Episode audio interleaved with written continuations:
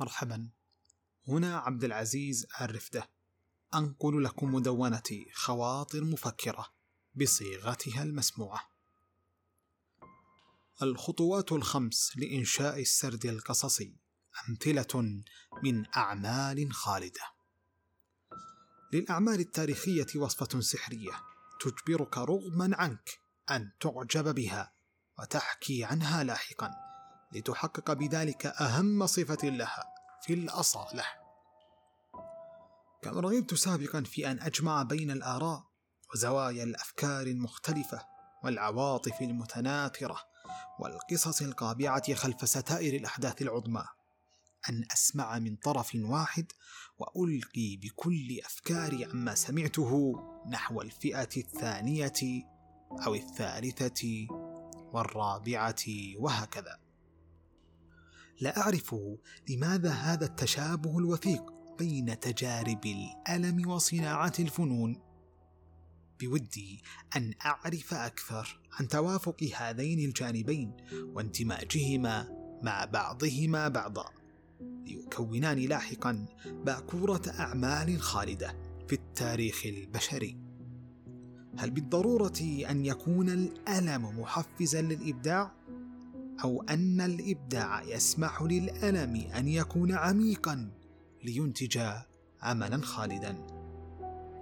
هكذا دون أن أخطط لذلك وفي فترات زمنية مختلفة كنت قد قرأت عن أحد أعظم تجارب الألم التي مرت في التاريخ البشري الحرب العالمية الثانية من خلال كتاب امرأة في برلين تلك المذكرات التي كتبت ووصفت ما قام به الشيوعيون في عقر دار الألمان في العاصمة الألمانية برلين. عن الاقتحام والتكسير ورمي الرصاص ومظاهر الجوع والتهديد بالقتل والاغتصاب. عن روح الانتقام كيف لك أن تعيد من هيبتك كروسي لتأخذ بثأر من قاموا بقتل أهلك وأصدقائك؟ هذه المذكرات السرية التي نشرت لاحقا لتبين هذه المشاهد بصورة أدق. ومن تجربة لإحدى الناجيات من هذا الحدث التاريخي الذي بدأه مجنون يسمى هتلر.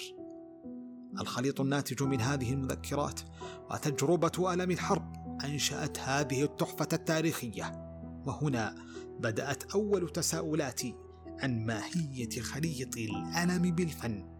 لإنتاج باكورة أعمال لا تنسى في التاريخ. كثيرا ما سمعت عن عنوان كتاب الإنسان والبحث عن المعنى، ولكن لم تكن لدي فكرة عن المؤلف ولا عن القصة الكامنة خلفه. وحين بدأت في تقليب صفحاته وجدته أيضا يقبع في تلك الحقبة الزمنية مع اندلاع الحرب العالمية الثانية مما جعل السؤال أكثر ظهورا لدي بين أسطر الكتاب عن ذلك الألم وذلك الفن وخليطهما الساحر. قصة أخرى يطرح فيها الطبيب النفسي تجربته المريرة في الحرب وهو اليهودي الناجي من محرقة الهولوكوست. كيف يصف ما درسه نظريا في تخصصه؟ وكيف شاهد تلك الدروس النظرية واقعا محسوسا؟ جعلته أكثر رغبة في النجاة من الحرب. عن معنى أن تعيش لسبب واضح يجعلك تتمسك في الحياة من أجله. أن ترغب بشدة في نقل تجربتك المليئة بالإضطهاد والأعمال الشاقة والجوع وأسباب النكوس والخيبة. ومن ثم الاستسلام والنتيجة ضعف يؤدي بك للقتل أو الحرق. كتاب بديع آخر نسج بخليط الألم. وفي حدث مشترك غير وجه العالم.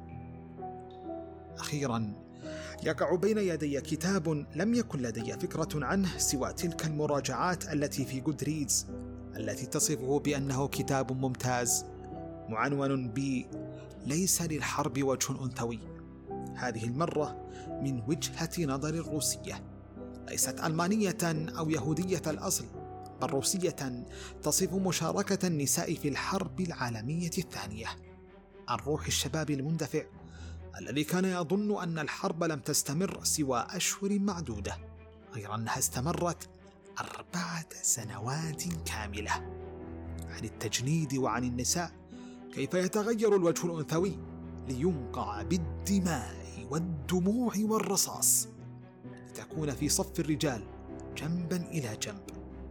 تجربة أخرى مؤلمة تنضم لتكون عملا بديعا آخر من خلال القصص المروية من نساء الحرب أنفسهن.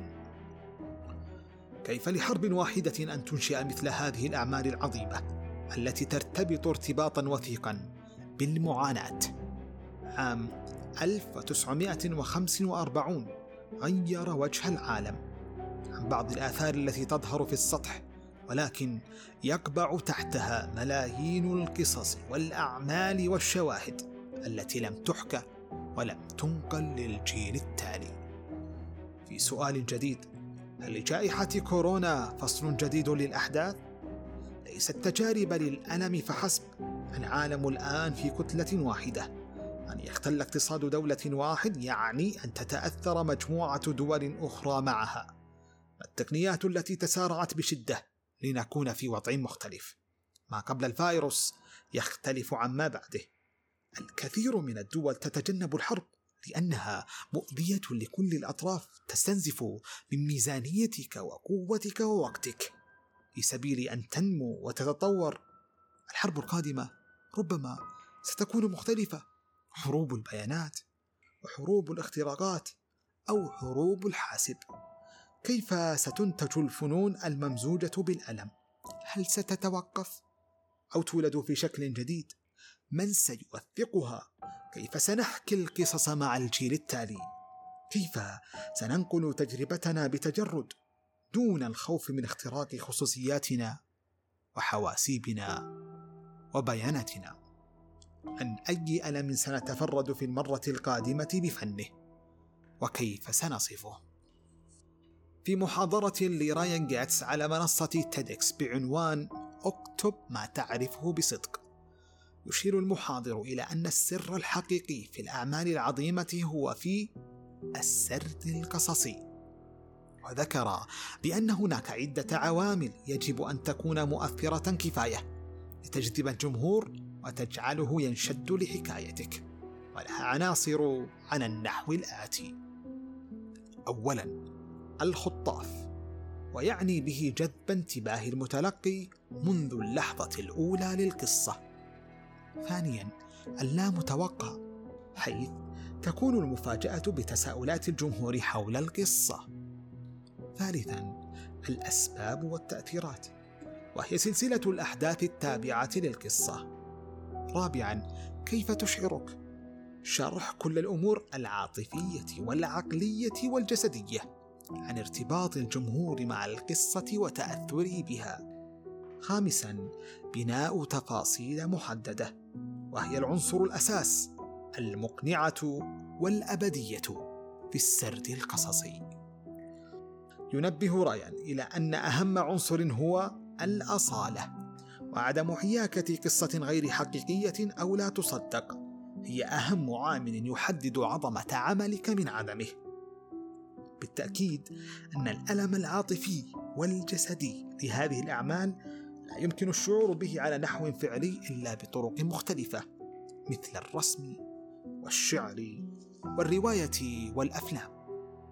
ولكن مختلف المشاعر تتفاعل مع هذه الأحداث لتحدث تفاعلا كيميائيا ما يجعلك تتعاطف مع القصة وتذوب معها بشكل كامل. يقولون صورة بألف كلمة ولعلي أقول قصة بألف شعور. كتب وألقى هذه المدونة عبد العزيز آل رفدة. دققها وراجعها لغويا ونحويا الدكتورة فوزية العتيبي. شارك هذه المدونة مع من تعتقد أنها تهمه. تابعوا نشرتنا البريدية ومدونتنا المكتوبة. نلقاكم لاحقاً.